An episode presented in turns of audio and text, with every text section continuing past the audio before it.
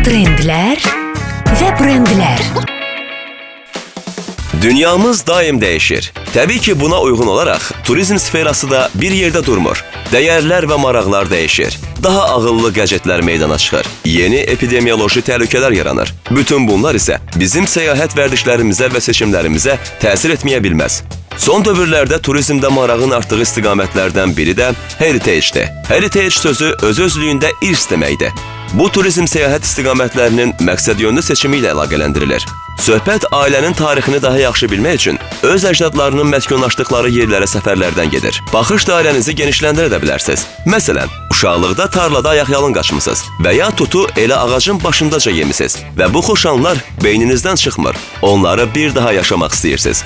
Bu tarlanın və ya tut ağacının axtarışına çıxa bilərsiniz. Bax, bu da heritage turizmi olacaq. Yaxud bir zamanlar valideynlərinizin dincəldiyi, onların xoşbəxt simaları əks olunan fotoşəkillərdəki şəhərlərə, kəndlərə gedə bilərsiniz. Yeri gəlmişkən, heç də pis trend deyil və bu indi daxili turizmin üstünlüyü təşkil etdiyi yeni reallıqlara uyğundur.